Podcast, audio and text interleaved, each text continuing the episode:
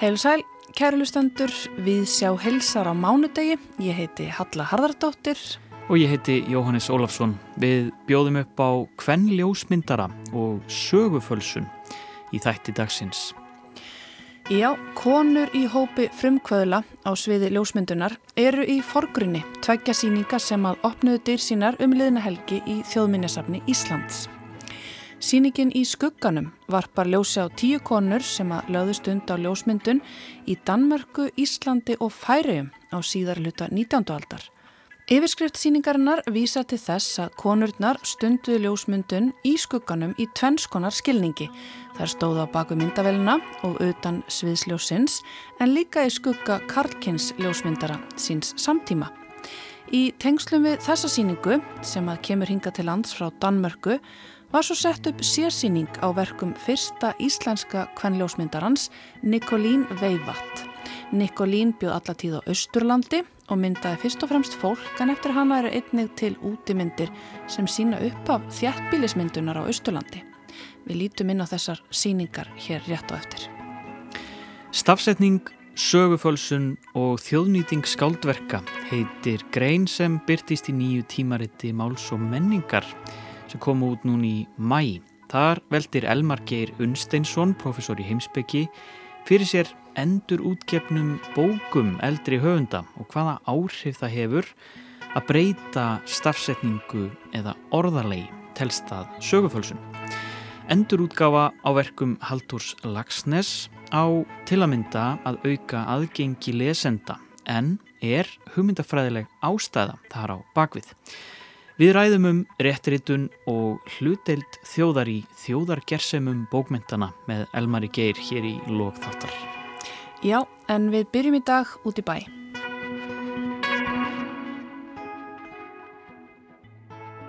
Þá er ég komin vestur í bæ í þjóðminnesafnið. Hér voru opnar tvær mjög áhugaverða síningar um liðna helgi. Tvær síningar sem báðar varpa ljósi á störf kvenna í ljósmyndun. Önnur þeirra kallast í skugganum og það er síning á verkum tíu kvenna sem að löðu stund á ljósmyndun í Damörgu, á Íslandi og Færum á síðarluta 19. aldar. Og svo hefur verið sett upp önnur síning, alíslensk, í tengslu við farandsíninguna og uh, það er síning á verkum Nikolín Weivatt sem er fyrsta Já, sem var fyrsti íslenski kvenljósmyndarinn. Það er standaðina hérna með mér Bryndís Erla Hjálmarsdóttir, verkefnastjóri síninga og Kristín Halla Baldvinsdóttir, sérfræðingur á ljósmyndarsafni og síningastjóri eða síningarhönnuður síningarinnar um Nikolín. Takk fyrir að hitta mig hérna Bryndís og Kristín. Takk. Takk fyrir að koma bara. Við stöndum inn í miðjum salnum og um, umkringdar ótrúlega fallegum og ég tek sérstaklega vel eftir tæknilega góðum ljósmyndum. Þar eru auðvitað allar svarkvítar og hér er líka fullt af texta. Ég ætla að fá að forvitnast um þetta einna með ykkur. Bryndi Særla, segð okkur frá þessari síningu sem við hérna, erum að horfa á. Þetta er mjög stór síning og þetta er farandsíning Já, síningin sem ber nafnið í skugganum er dönsk farandsíning sem var framleitt af sapnunu um Museum og Stíland í Ranners í Danmarku Sýningarhöfundur er Hanne Sjámborg Sörensen og sýningin er sprottin upp úr doktorsverkefni hennar. Og eh, í skugganum segir sögu fyrstu kvennana sem löður stund á ljósmyndun í Danmörku, Færium og Íslandi. Yfirskriftin er hérna, eh, hefur tvennskona skýrskotun.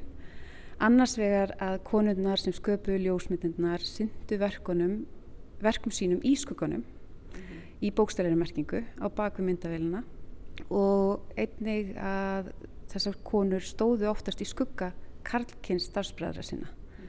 og verk þeirra voru jafnvel eignuð eiginmennum þeirra. En hér fá þessar konur sem voru í hópi fyrir umkvöla í ljósmyndun að stíga út úr skugganum og taka sér það rými í sögu ljósmynduna sem það eiga með réttu tilkall til. Mm -hmm. Þannig að doktorsverkefni hennar Hanne mm -hmm sem er höfundu síningarinnar og hún var hér um helgina, ekki satt Jú. að fylgja þessu úr hlaði uh, hugmyndið með því var að varpa ljósi á þessar konur sem að hafa staðið í skugganum mm -hmm. og uh, kannski ekki svo margir vita að hversu margar konur störfuðu við þetta bara fyrir, já, hvað við, við erum að tala um hérna síðar hluta 19. aldar ekki satt? Jú, þessar, þessar tíu konur voru allar hérna starfandi sjálfstætt sem ljósmyndarar. Á mismöndu tímabilum frá 1872 og fram til 1925. Mm -hmm. Þetta er alveg ótrúlegt að, að skuli ekki vera almennt meira talað um hvern ljósmyndara á þessum tíma. Að það voru, já, Og, og, og hvað svona fangaði auða þeirra, hvað voru að fást við? Aðgrænaði sig frá karljósmyndum, er eitthvað hægt að uh, sjá það á viðfangsefninu eða, eða hvað, hvað er það svona helst að, að fást við? Sko þær eru að fást við allt í rauninni, þær eru með stúdjómyndatökur og þær eru, við sjáum hérna heimildaljósmyndir mm -hmm. og svo líka listræðanljósmyndir mm -hmm. og þær eru að fanga daglegt líf fólks í kringu sig. Mm -hmm. Þannig að það er, það er engin skilgreining á milli hvernig það kalli ljósmyndir á þessum tíma.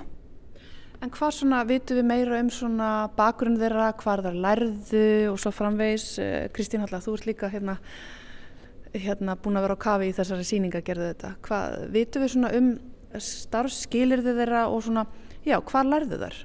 Ég þekki það náttúrulega ekki nógu vel um þess að dönsku því að Nei. það er meira hennar Hanni, hún hefur skoðað það en hér eru tvær íslenskar sagt, íslenski ljósmyndarar Nikolína Veivand sem er eldst sagt, hún er svo, með eldstu myndirnar hér á þessari síningu og það er íslensk sagt, íslensku ljósmyndari og svo Anna Sjött sem var fyrir á minniasafni Akkurar og við vitum það að þeirra starfskilir voru ágætt í rauninni en þær voru náttúrulega komnar að það, voru peningar í kringu það sko. hún, var, hún var hérna, Nikolína var kaupmannsdóttir og fór til náms í Damurku að læra ljósmyndun svo hún læri þarna eh, já, undir bara góðum, góðum skilurðum og, og, og, og byggir sér hérna ljósmyndaskúr sem hún sér satt notar væntanlega á tveimum stöðum við vitum þá ekki hvernig hún var á djúbói en hún var fyrir austan og svo var hinn á Akureyri en þar er einmitt það sama með dönsku konurnar mm -hmm. að með önnusjött að þar voru fyrst myndirnar sagt, þær voru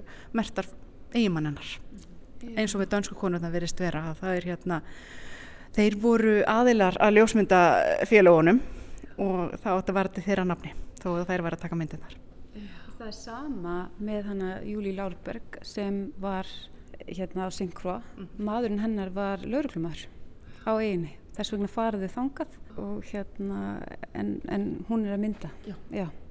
Tölum aðeins um hana. Þetta er hérna vekkurinn hennar. Hún flytur frá Danmörku til vestur India og, og starfar þar sem heimildaljósmyndari. Já, já. Og hér sjáum við bara líf og starf á eiginu og hún seldi mikið af þessum ljósmyndum sem postkort og hún er að horfa á hitt daglega líf Já. sem var ekkert mjög aðgengilegt á þessum tíma og í rauninni eru þessar heimildir sem sína dönsku vestur Indíu ef hefði ekki verið fyrir hana þá væri við ekkert með þessa mynd, ef, þessar heimildir mm -hmm. Mm -hmm. og svo hér á þessum veg þá sjáum við meira svona þetta er mjög hefðbundi danslíf hérna, er það ekki? Hér er allavega, hér sjáum við jólatri og börn Já, þetta er sem sagt uh, jólatri, þetta er sviðsitt mynd og þetta er jólatri úr grænkáli. Já. Og það er nefnilega þannig að pappin sem var hérna, maður sjá, hann var sapstjóri sögursapsins í Vend, Vendisell og var mikil sögu áhuga maður og hann sem sagt let börnin sín klæðast fatnaði frá 50 árum áður, þetta tekið 1904 þannig þau eru fatnaði frá 1850 og það var sett upp þetta grænkálsjólatri og þau eru með leikföng frá 1850 og þau sviðsittu þessa mynd. Yeah. og setna meir þá sögðu þessi börn að þetta hefði verið versta aðfangadagskvöld sem þau höfðu nokkuð tíman upplifað. Auðmikið börnin. Þau eru glæðið að standa þarna allan daginn. Það tóku þetta svo langan tíma. En er það ekki réttum með Kristín alltaf tæknilega ef við horfum bara á það þá er þetta alveg ótrúlega vandaðar myndir? Jú, það eru bara flesta bara mjög vandaðar og þeir hafa greinlega haft góða, góða, góða tækjabúnað og slikt. Ja. Ef við töljum svona almennt um þar sem að uh, þessi viðfangsefni, hérna eru þetta portrættmyndir, hér er eina alveg dásanleg að litlum amor. Já, litlum amor og svo ef maður horfið vel þá sérðu hérna hend eh, sjálfsagt er það móðurinn sem heldur undir bossan á hann svo hann dettur nú ekki og sé alveg kyrr út í þetta tók náttúrulega gríðilega langan tíma að ná góðri ljósmynd þannig að hann er haldið þarna snúlanum. Svo líka hér svolítið gaman út í hér er, það var mikið um sviðsetta myndir og þá voru allskynns tákn sem voru sett inn á myndirnar til þess að lýsa því hvernig heimili og hvernig fólk býr á staðnum. Og þetta er heimili hirðskrattarans e, hérna í Danmörku. Og hér sjáum við pálmatrið sem á að tákna það að hann sé víðsýtt og þekki, þekki heiminn vel. Og hér eru eiginkona hans og, og sonur að lesa í bók út af því að þetta er mentaheimili og þau, hann er hér með gleru og það ítir ennfrekar undir að þetta sé mentaheimili mm -hmm. og við erum með málverk á veggjónum og þetta er allt saman sko hlaðið mm -hmm. merkingu.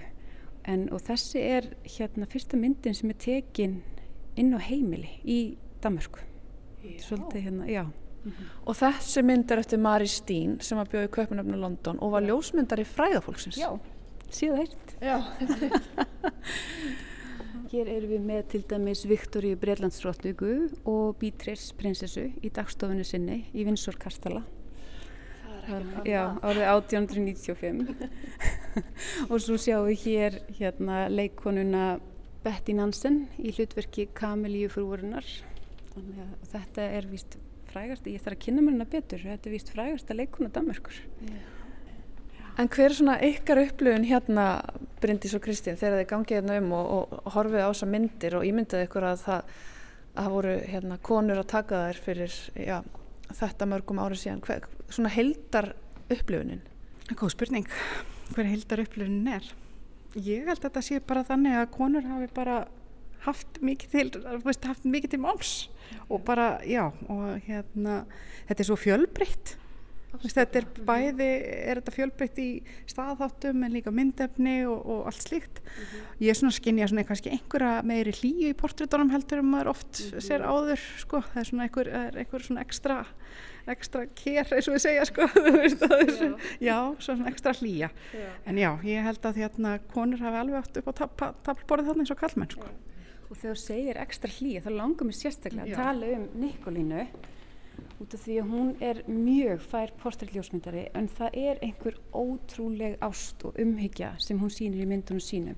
Eins og hérna eru við með ömmu og badnabann og þessi nánd er svo ótrúlega falleg, það skýn svo í gegn ástinn og sama hér að fjölskyldu sér að Stefán Sigfússonar og þetta portrétt, þau eru öll í napp, öll fjölskyldan. Og þetta eru hvað er þetta mörg börn? Sex börn. Mm -hmm og litla yngsta er með sko búin að flækja fingurnar í, í menumóðu sinnar. Og sér að Sigfús heldur á, á sinunum í söðskinskónum og það er eitthvað svo þetta er eitthvað svo ótrúlega fallið nánt og þau horfa öll til okkar. En það er eitthvað svo, er, maður skinnjar einhvern veginn kellegana mm -hmm. Og í þessari mynd þá er líka Nikolína að sko nota lýsinguna svo svakalega neðan þannig að hún næri einhvern veginn að sko andlitin byrtast fyrir framann okkur mm -hmm. mm -hmm. og þetta er tæknis mér ennþá notið í dag mm -hmm. að, að lýsað ofan andlit til þess að fá, þessa, fá þetta fætt svona í, í andlitið. Það er svakalega dýft í þessum myndum og, og þessi hérna ömmun og barnabátun er alveg stórkosleg. Talandu um Nikolínu, uh, Kristín Alla, af hverju hef ég aldrei hýrt um þessa konu áður? Það er stór spurning. Ég hef heilt oft um hann áður en það er kannski bara því að ég vinn við það sem ég vinn við. Já. en hún er mjög merkileg og hún sagði við okkur hún Hanne hérna að þau hefðu verið á ráðstefnu svona danskir ráðstefnu og ljósmyndasöpnum held ég að hafi verið og þau hefur verið sko alveg bara yfir sig hrifin af tækninni sem hún er að nota svona svakalega snemma og hvað þetta er henni bara góður ljósmyndari mm. og portrétin hjá henni eru einstaklega góð með við tíma. Mm. Hún er að nota þessi lýsingu, það er rosalega svona skerpa í myndunum, góður fókus, hún stillir upp mm. á hvernig stað, svo þetta er mikil færni og þekking sem hún býr yfir og þau vildi meina að þetta væri bara svona svolítið svona já, sérstakt í rauninni að hún væri mjög svona einstök á jafnvel einhverjum veit ég ekki, kannski heimsmæli hverða en, en einhverjum að norrænum eða eitthvað slíkt sko. Svo já, það mætti alveg lifta henni meira upp. Hún var náttúrulega fyrir austan, hún bjóð djúbái og var á Teigarhóttni sem er hús sem við varum eitt hérna í húsafni þjóðminnsafsins, bjóð þar og og hérna kannski verða það svona að því hún hafi ekki verið í, í höfuborginni eða eitthvað en austfyrðingar þekkja hana vel og, og henni nú alveg hampa þar og við höfum reynda hampa henni og þarf kannski að gera bara meira af því Já. Já.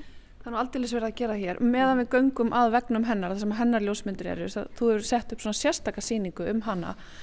Segum við það eins frá því sko úr hvað umhverju hún kemur og, og hún fór út til köpun að læra það ekki? Jú, hún og við veitum ekki hvar hún lærir en við veitum við lærir í kaupmannu en ekki hjá hvaða ljósmyndara. Og hún er kaupmannsdóttir svo það eru peningar þarna í fjölskyldinni sem kom henni út. Þetta var ekki að færi allra. En svo kemur hún tilbaka og, og þau búa á tjúbavegu fjölskyldan fram til 1880 þannig að þau fæðurinn að byggja hérna á tegarhóðni en það sem er svona sérstætt við kannski nekkulín er að hún er sagt, einhleip alla sína tíð, hún tekur svo fóstu dóttur hann sínu björsdóttur, sérstu dóttur sína að sér sem tekur svo við ljósmyndunum og fer að ljósmynda sjálf. En hún er einhleip, hún er ekki, hún giftist aldrei. Og þeim er svolítið svona sérstakt við að því hínar eru allar undir kannski mönnunum sínum og eru eigin konur og slikt sko. En hún er svona eigin hún er, hún er eigin herra í þessu já.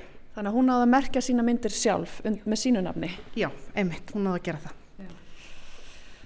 Og hérna, hérna eru komnar að þessum vegg þar sem að þú hefur sett upp ef við tölum aðeins um svona hvað fangaði hennar auða hvað var það þá fyrst og fremst?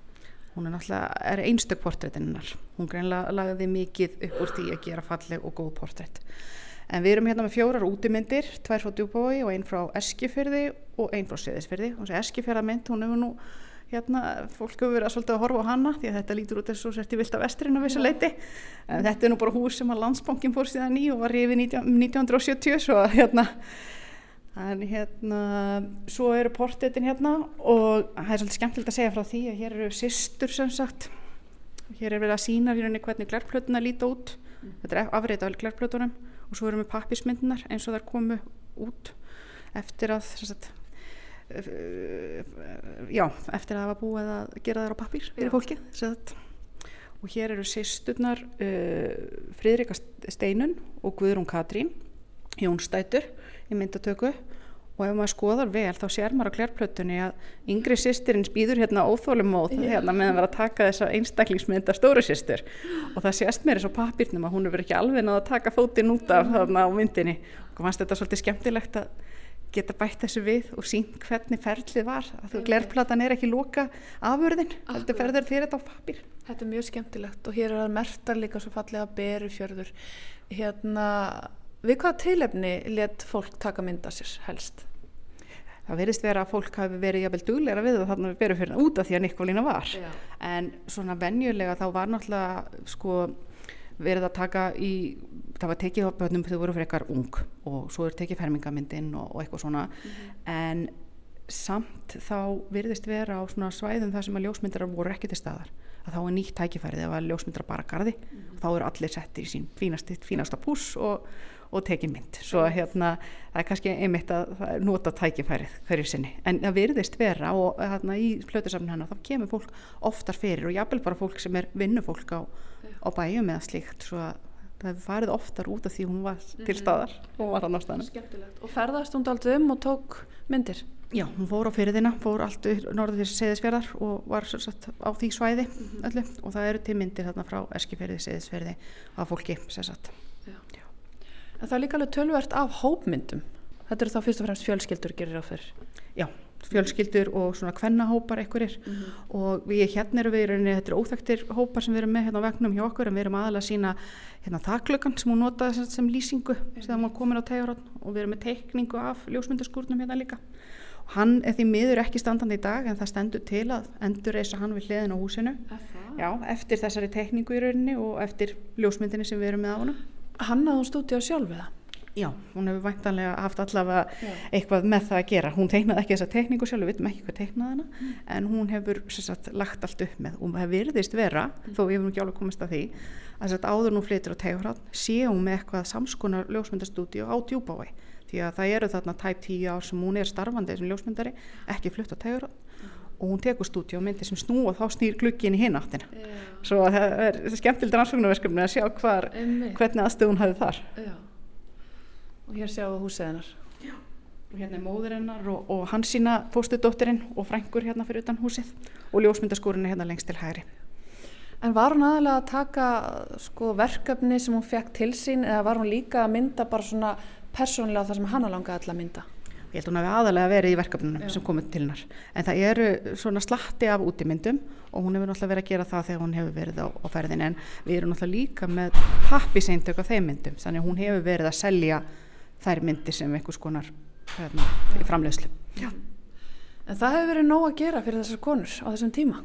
Svo sannarlega. Virkilega skemmtileg síning, Bryndis Erla og Kristín Halla. Takk fyrir að taka mótu mér hérna. Mun hún halda svo áfram eitthvað eftir þetta? Er hún búin að koma við í færiðum eða? Nei, hún fer hérðan til færiða en hún mun opna á byggðarsafnu á Akureyri núna í, í lok ágúst. Það er ekki alveg komin loka dagsning þannig hún mun ferðast þanga líka. Já, við áttum auðvitað alveg eftir að hérna, tala meir um hana önnu sjött. Önnu sjött, jú, Já. einmitt, áttum eftir að tala um hana. Hún er hinn íslenska konan. Kannski bara svona örstuðt í lókina og það viljum ekki skilja hann út undan Nei. að þú segir okkur hérna aðeins frá henni og Akureyringa verður náttúrulega ánæður að heyra það að þessi síning sé að koma til þeirra. Já, einmitt. Hún verður þess að á minnisafninu Akureyri og verður opnaði í lók ágúst og annars sjött var starfandi á Akureyri og eiginmaður hennar Henrik Sjött var bakaramistari þarna og fyrstu myndinar hennar eru mertar honum en hún virðist hafa tekið þeir flestar og hún var ansilungin ljósmyndari það sést hér á myndum mm -hmm. og með fallegar hópmyndir þar sem fólk er í bátum og, og hér eru torfbæir eigafyrði sem eru hortnir og ímislegt og, og, og þetta er í rauninni svolítið svona einstakt fyrir Já. þetta svæði mm -hmm. því að það er ekki mikið af starfandi ljósmyndirum á þeim tíma sem hún starfar á Norðurlandi Nei Einmitt, virkilega skemmtilegt. Eh, Bryndis Erla Hjálmarsdóttir, verkefnistjóri síninga hérna og Kristín Halla Baldvinsdóttir, sérfræðingur í ljósmyndasafni til hammikju með þessa síningu og bara með henni vagna vel áfram og, og ykkur hér. Takk að ekki alveg fyrir. Kæri þakkir.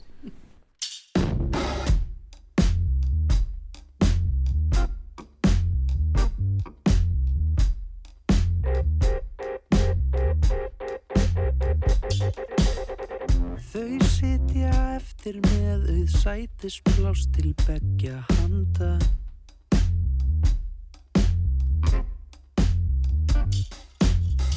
Dreipandi sitt á hvað á drikkjunum sem eftir standa.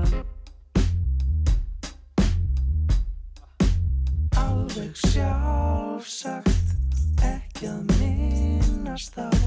Láttu vaða leistu skjóðu frá. Ég segi engum svo krifjast hjartans mál og einhvers andadýr er panda.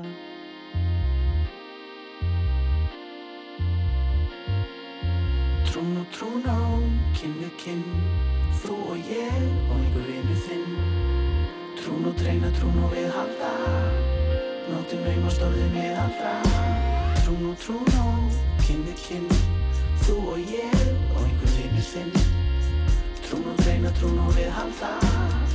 Nóttin laum og stóðin við haldra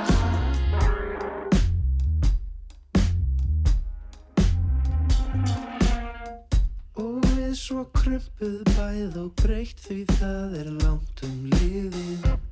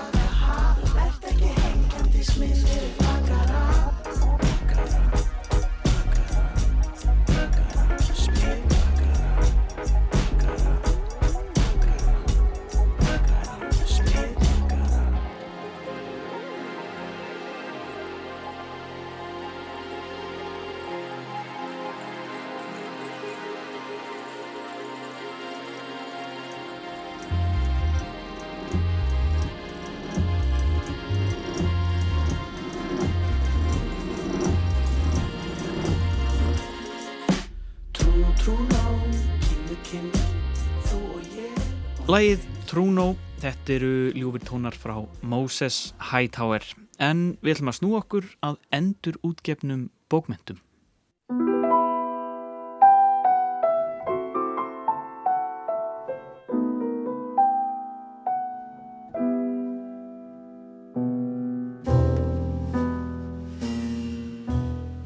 Tímariti Máls og menningar sem kom út nú í mæ byrtist uh, forvittnileg grein eftir Elmar Geir Unsteinsson. Uh, greinin ber heitið Stafsetning með íi. Stafsetning, sögufölsun og þjóðnýting skáldverka. Það er fjallað um hugsanlegar afleðingar þess og hugmyndafræðina bakvið að endur útgefa bókmentaverk eldri höfunda þar sem upphafleiri stafsetningu textans hefur verið breytt yfir á innan gesalappa nútíma mál. Um, þetta hefur verið að einhver leiti í umræðinni undan farin ár en uh, þetta er, hefur einhvern veginn vakið til umhugsunar.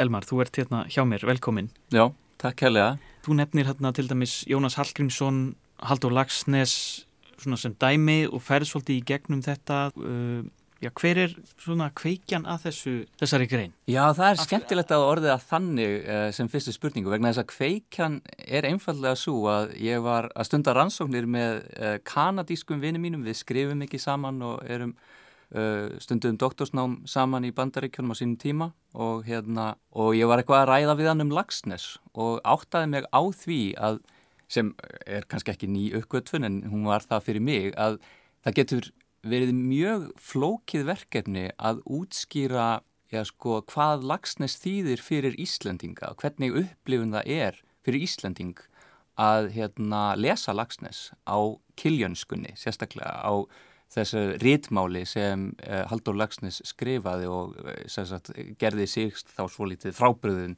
hérna því sem var að gerast uh, á þeim tíma en líka í, í nútímanum. Og ég endaði á því að eiga mjög erfitt með að útskýra það. Og hérna áttaði máði að þetta væri svona bara áhugavert verkefni í sjálfu sér að svona rannsaka það eða velta því fyrir sér hvað nákvæmlega Lagsnes var að meina með hérna stílnum sínum mm. eða rítmálinu sínum ef eitthvað. Og, og hérna og fór svo bara einhvern veginn að kanna það eða kynna mér það og, og það kom mér svona svo lítið óvart í raun hversu lítið er búið að velta þessu fyrir sér og Og þannig að grundvallar atriði sem ég hafði áhuga á var bara, sem sagt, af hverju hann gerði það sem hann gerði, svo, hvernig hann sjálfur leitt á það að, af hverju stílinn væri svona og hvort hann væri mikilvægur fyrir hans listrænu tjáningu eða hvort hann væri bara það sem ég kalla í greininni svona forræðisefni mm. sem gildir auðvitað um stafsendingu oft og mörgum sinnum sérstaklega hjá þeim sem vilja bara treysta öðrum fyrir slíkum efnum sem er eðlilegt og sjálfsagt en, en hérna og ég svona hafði einmitt byrjað að hugsa um þetta af því að ég hafði tekið eftir þessum nýju útgáfum hjá forlæginu sem eru einmitt mjög forvitnilegar og, og skemmtilegar mm. og hérna en, en höfðu ekki vakið svona kannski er deilur eða umræður sem, sem mér hefði fundist kannski eðlilegt að hefði mátt svona einhvern veginn íta undir meira að, að svona nákvæmlega af hverju erum við að þessu, hverjar eru ástæðunar og rökin er, er, gengur þetta gegn ásetningi haldurs eða ekki. Mm. og, hérna, þannig að það eru svo margar skemmtilegar spurningar sem, sem þetta vekur. Þannig að, mm. þannig að já, og ég ákvað bara að því að ég reynda að útskýrta síðan fyrir nokkrum íslenskum vinnum mínum og eitt er að sagði bara við mig, ég meina þarf ekki að hlusta að segja þetta lengur, okkur skrifa ekki bara grein? Þannig ég settist bara niður og, og, og skrifaði grein. Og hafði bara mjög gaman að því, það er mjög langt síðan ég skrifaði grein á íslensku, ég skrifaði bara á ennsku sko. Já, þannig, kannski bara til þess að eh, setja fólk aðeins inn í, þú kemur ekki beinleinis úr uh, sko uh, málvísundum, svona hefðbundum málvísundum en, en svona þú ert meira í heimsbyggi hliðinni, Se, segð aðeins bara já, bakgrunnur er. Já, minn bakgrunnur, já hann er samt að einhverju leiti í málvísundum, ég er þess að lærði heimsbyggi með sérstakri áherslu á heimsbyggi tungumáls og heimsbyggi hugar og heimsbyggi sálfræðinar Uh, í bandaríkunum í New York uh, og leiðbeinandi minn var einmitt svona einn af þessum uh, fræðimönnum sem tillar sig eiginlega bæði sem málvísindamann og, og heimsbygging og hérna þannig að ég, ég skrifa svona um stundum sko heimsbyggi málvísinda. Þannig að uh, bakgrunnum minn er ekki kannski beinlýnis í málvísindum en í heimsbyggi tungumálsins. Og heimsbyggi tungumálsins uh,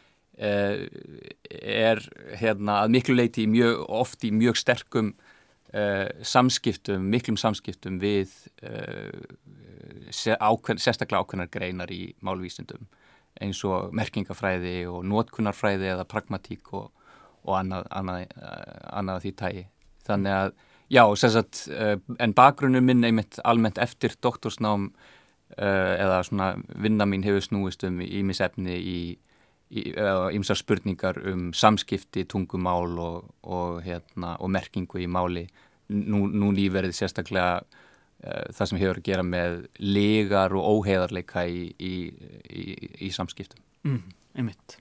En þetta hljóma samt eins og, eins og uh, viðeigandi grunnur til þess að byggja á þessar já, forvöldnilegu spurningar. Ég menna að þetta er, þetta er eitthvað sem við getum um, alltaf einhvern veginn veld svona um í, í uh, svona stórum, stóra samhenginu hvað hvaða merkingu það hefur að endur útgefa eldri verk og hvernig við gerum það. Um, bara svona við fer bara dýfum við bara aðeins beint onni í þessa grein. Uh, þú byrjar á Jónasi Hallgrímsinni og, og talar um já, orðaval í, í, í ljóðum. Þar er uh, stafsetningu í ákveðnum orðum breytt og uh, það svona það fer eftir í, sko, í hvaða útgáfum það er sem að ákveð orðalag er, er öðruvísi og það, það er munur á en við erum samt orðin vön einhverju ákveðinu svona rétt réttun innan, innan gesilappa af hverju er það? Af hverju eru við svona vön þessu?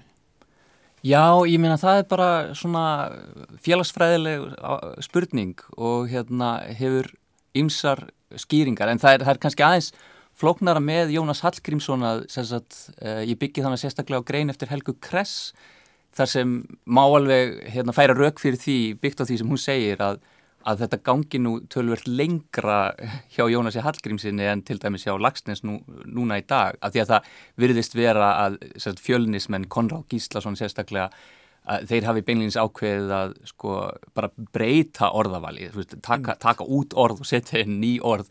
Og við þekkjum hérna ljóðinans þessi frægustu ljóð í, í útgáni sem, sem er breytt miklu Já. frekar. Og, hérna, og við höfum ekkert endilega miklar upplýsingar um það hvað Jónasi fannst í hverju tilfelli fyrir sig. En, en, en sennilega maður má svona, það er hægt að leiða líkur að því að þetta hafi í raun verið í óþökk hans. Og, og hérna, Helga Kressið mitt væri mjög góð rauk fyrir því að myndmáli sumra ljóða hafi verið breytt svo mikið að það mm. séu svolítið áhugavert.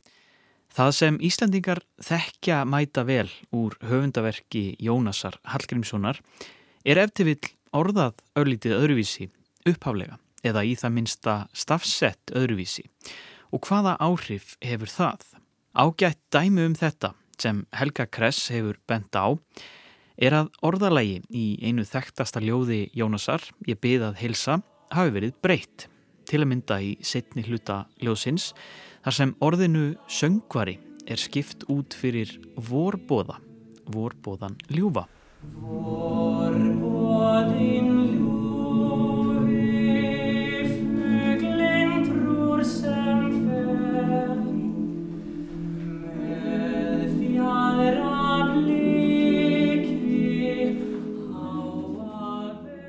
Það að okkur finnist svona sjálfsagt að hérna, hefja einhvern eins og Jónas svona upp á virðingarstall sem hann áauðvitað að gera býst í við en, en líka á sama tíma að hunsa sko, ásetning hans og, og ekki bara breyta því þegar við komum staði að hérna, hann vildi í raun hafa ljóðið einhvern veginn öðru ég meina ef hann á að vera svona mikilvægur höfundur þá ættum við að vera að hlusta á hann en ekki breyta því sem, því sem hérna, uh, hann vildi hafa. Og, og það sama gildir einmitt um um lagsnes það, það er svona svo litið aðtiklisvert einmitt að, að við teljum okkur geta og meiga og jável hafa ástæður til þess að breyta því sem hann hafði mjög skýran ásetning um mm. og hérna en oft er það auðvitað þannig að upplýsingarnar er ekkit allar á yfirborðinu ég þurfti svo lítið að svona kafa ofan í einhverjar gamlar greinar eftir lagsnes sem fólk kannski man ekki eh,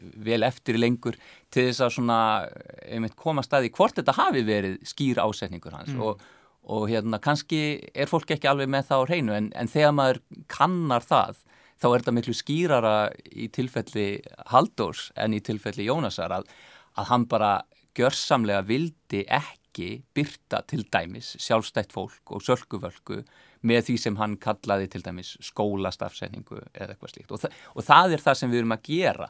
En ég minna að það leiðir ekki að því að það sé einhvern veginn uh, hræðilur glæpur eða neitt slíkt og að það eigi ekki að gera það heldur hérna, leiðir kannski af því að það eigi að minnstakosti að ræða það og, og, og raukstiðja það og mögulega að hérna, hafa margar ólíkar útgáfur. Núna er verið að vinna í því að endurbyrta uh, höfundarverk Lagsnes og hérna sem ég finnst auðvitað alveg, alveg frábært, ég er mikill Lagsnes aðdáðandi, mm. það má kannski halda því til haga, en hérna e, og það, það að, að takast eitthvað slíkt á hendur, það náttúrulega e, svona mögulega hefur þær afleðingar að, að þú mynd stýra svo lítið upplifun nýra lesenda á, á verkunum uh, kannski um ókomna framtíð og mm. hérna þetta, þetta hefur mikil áhrif þannig að eh, ef það er engin önnur útgáfa svona uh, rétt útgáfa eða eitthvað slíkt mm. þá sem, sem þú getur síðan skoðað og, og hefur svona aðgengilegar upplýsingar um að,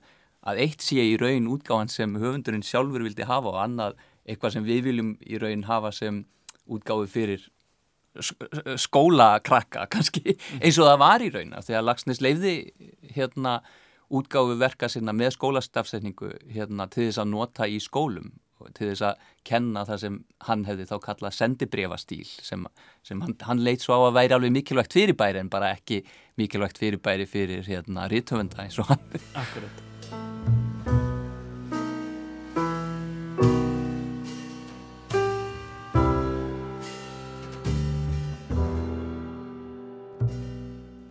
En svona stóru rökin eru yfirleitt þess að svona aðgengileiki, svona að, að þetta sé aðgengilegt fyrir lesendur uh, nútímans og þetta sé uh, já, rétt að, að, að því leitinu til að rétt sé það sem að eins og hann kallar það skólabóka dafsetning.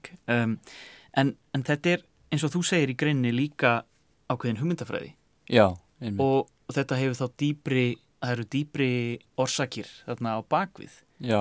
Hverjar eru þær? Já, það er einmitt skemmtileg spurning líka. Ég hérna, set fram svona ymsar tilgátur um kannski þá hugmyndafræði sem útskýrir uh, svona sjálfsögð viðbrögð okkar við eða svona einhvern veginn viðteknar hugmyndir og uh, vennjur mm. varðandi stafsetningu og, annað eins í, í svona menningunni að hérna að, Lagsnes hann kannski hefur ákveðin sess uh, sem mögulega engin annar höfundur hefur. Ég, uh, góð vísbending um það er að þegar við tölum meira sér í dag um óskapar þjóðarinnar þá muna margir, vona ég, að það vísar eiginlega bara til hans. En það vísaði til uh, Jón Sigurssonar um tíma og, og einhverja annara hluta. En þegar Lagsnes byrjaði að uh, hafa áhrif að verða þekktur á Íslandi þá, þá öðlaðist hann þennan titil.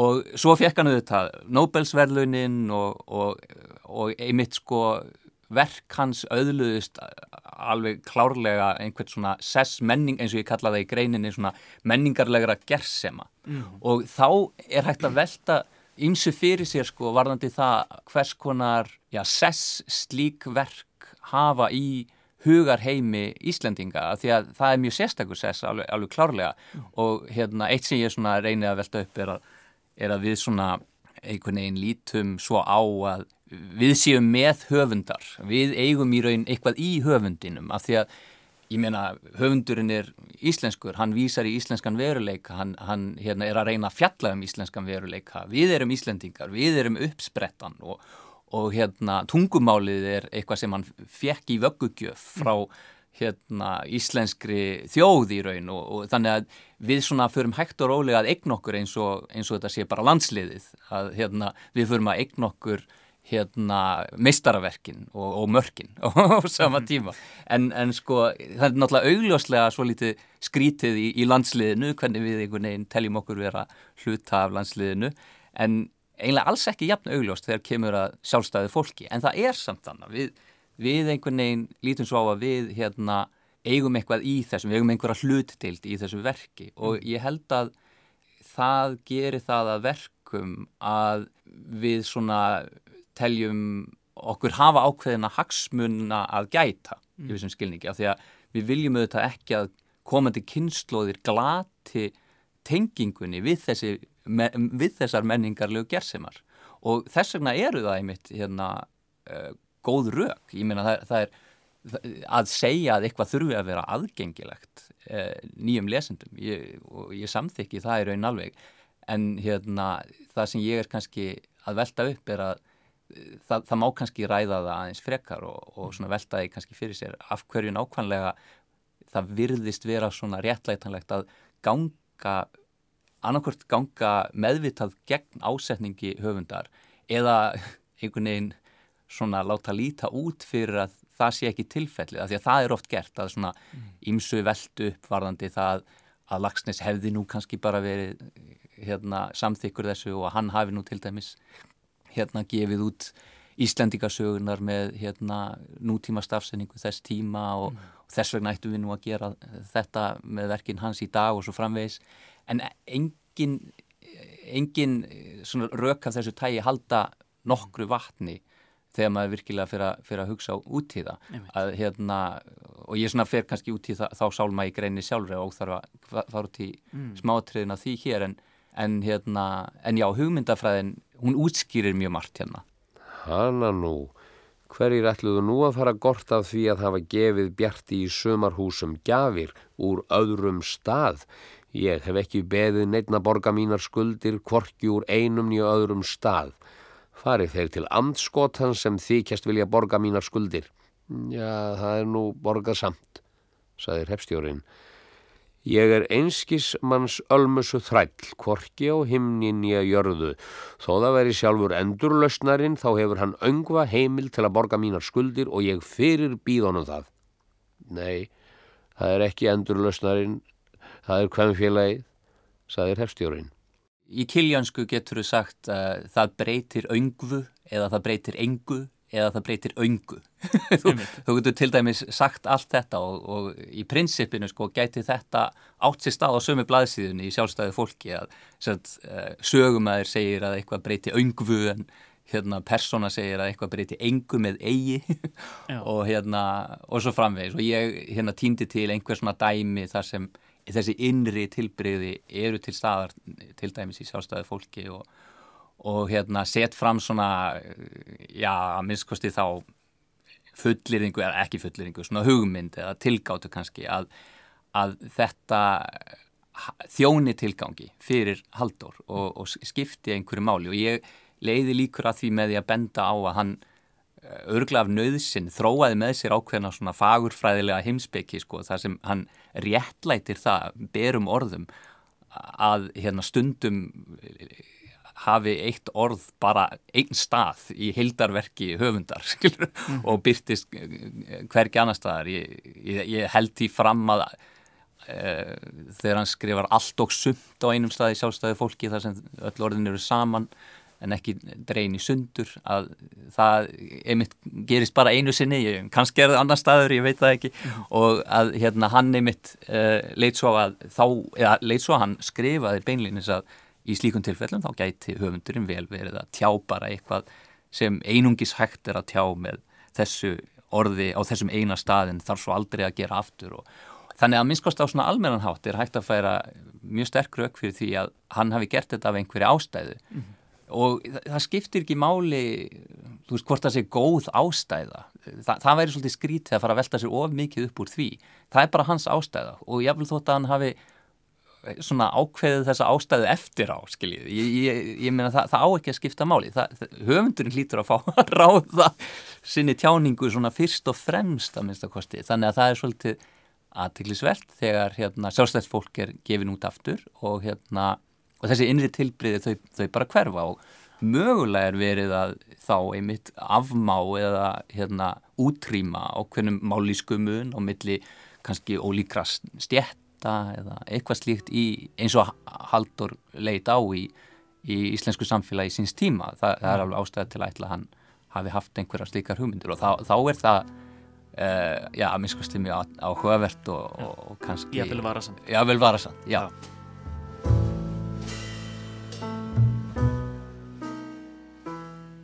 Stafsetningin, þar sem Elmar kallar í greininni kiljönsku, er eitt af mest ábyrjandi höfundar innkennum Haldur Slagsnes. Það mætti velta fyrir sér hversu stort hlutfall íslenskra lesenda veigri sér við að lesa eða hreinlega lesi ekki verk Haldurs einmitt vegna þess hver sérstakur þessi stíl er. Það stingi svo í stúf við það sem telst gott, rétt og eðlilegt samkvæmt bókinni. En þá vakna spurningar um hvers vegna það ætti að leiðrétta eitthvað sem telst höfundaringinni. Væri hægt að breyta litavali kjarvals eða nótnavali bjarkar. Kanski hæpið, en verk rithöfunda lúta reglum og eiginlegum tungumálsins, sérilagi rittmálsins. Þegar Haldur Lagsnes er að hefja sinn feril eru til að mynda engar ofinberar rétti ritunar reglur komnar og ritvenjur frjálsari. En það er líka ákveðu hugmyndafræðilegt val að mati Elmars að ákveða að hafa mjög stífar ritunar reglur. Hægt væri að líta frekar á það sem er algengt og óalgengt. En í öllu falli ætti það að vera skáldum meiri möguleiki að brjóta reglur í krafti þess að textin er hluti af skáldverki og að þessir rétt ritunar glæpir geti þjónað ákveðnum tilgangi.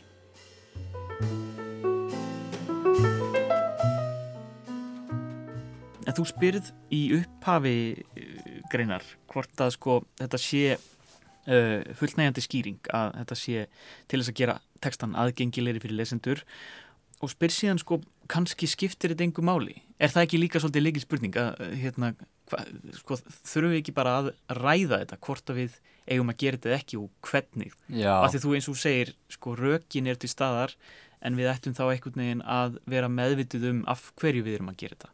Já, ég held við ættum að svona, uh, já, vera með aðeins meiri kannski evahyggju bara varðandi tilneyingar okkar eða svona það sem virðist vera sennilegt og ósennilegt í, í þessum efnum. Við vitum það í rauninni ekki. Við vitum ekki hvort það muni einhvern veginn gera textan aðgengilegri fyrir nýja lesendur. Ég minna kannski er þetta ekki vandamálið, uh, kannski er það eitthvað annað og, hérna, og, og líka ekki bara það, heldur má líka bara að segja eins og ég segi svona í greininni líka að hérna, ég meina ef hann er ekki aðgengilegur þá er hann bara ekki aðgengilegur. Og hérna kannski er það bara eðlilegt og, og hérna hluti af sögunni sem við þurfum að, að varðveita og, og það er eðlilegt að jafnvel Nobels höfundar uh, verði minna vinsælir með tímanum og,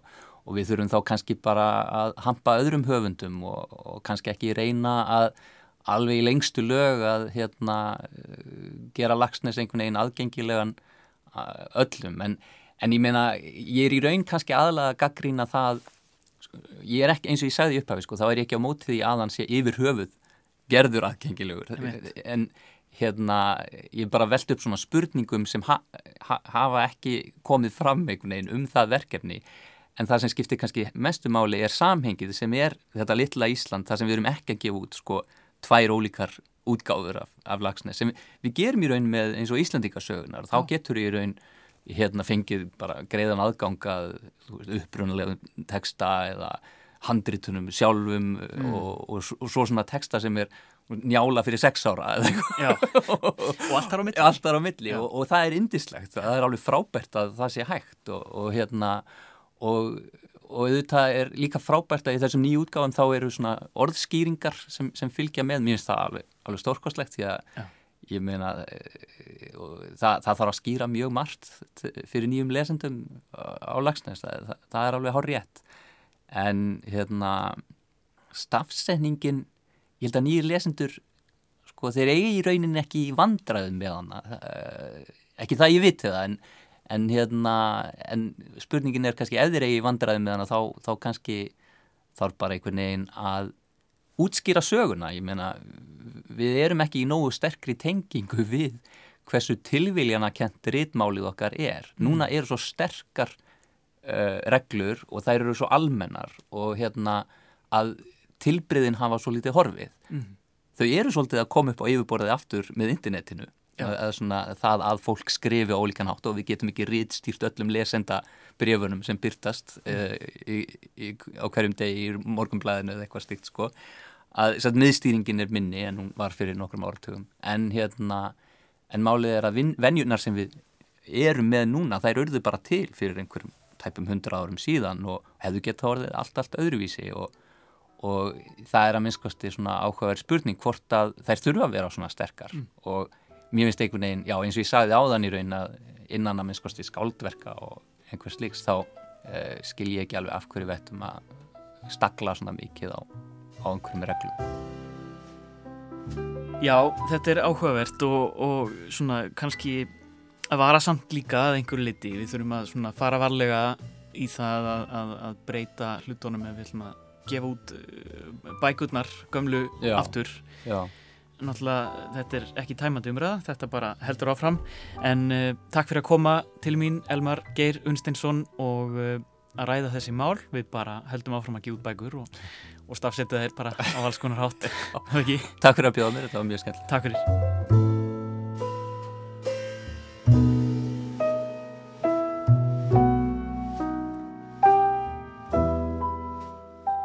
Og við ætlum að skilja við ykkur ágættu hlustendur með þessar stóru spurningar í kállinum um hlutdeild í merkilegum bókmentum, íslenskum skáldverkum sem gefnar eru út aftur og aftur, hvort við eigum að gera það og hvernig. Ef Lagsnes er óaðgengilegur vegna stafsetningar sinnar þá verður kannski bara að hafa það, segir Elmar Geir Unstinsson, professor í heimsbyggi. Já, það verður kannski bara að hafa það, en eh, við látum staðarnummið í vísjá í dag, verðum að sjálfsögða aftur hér á morgun. Takk fyrir samfélgdan í dag og verið sæl.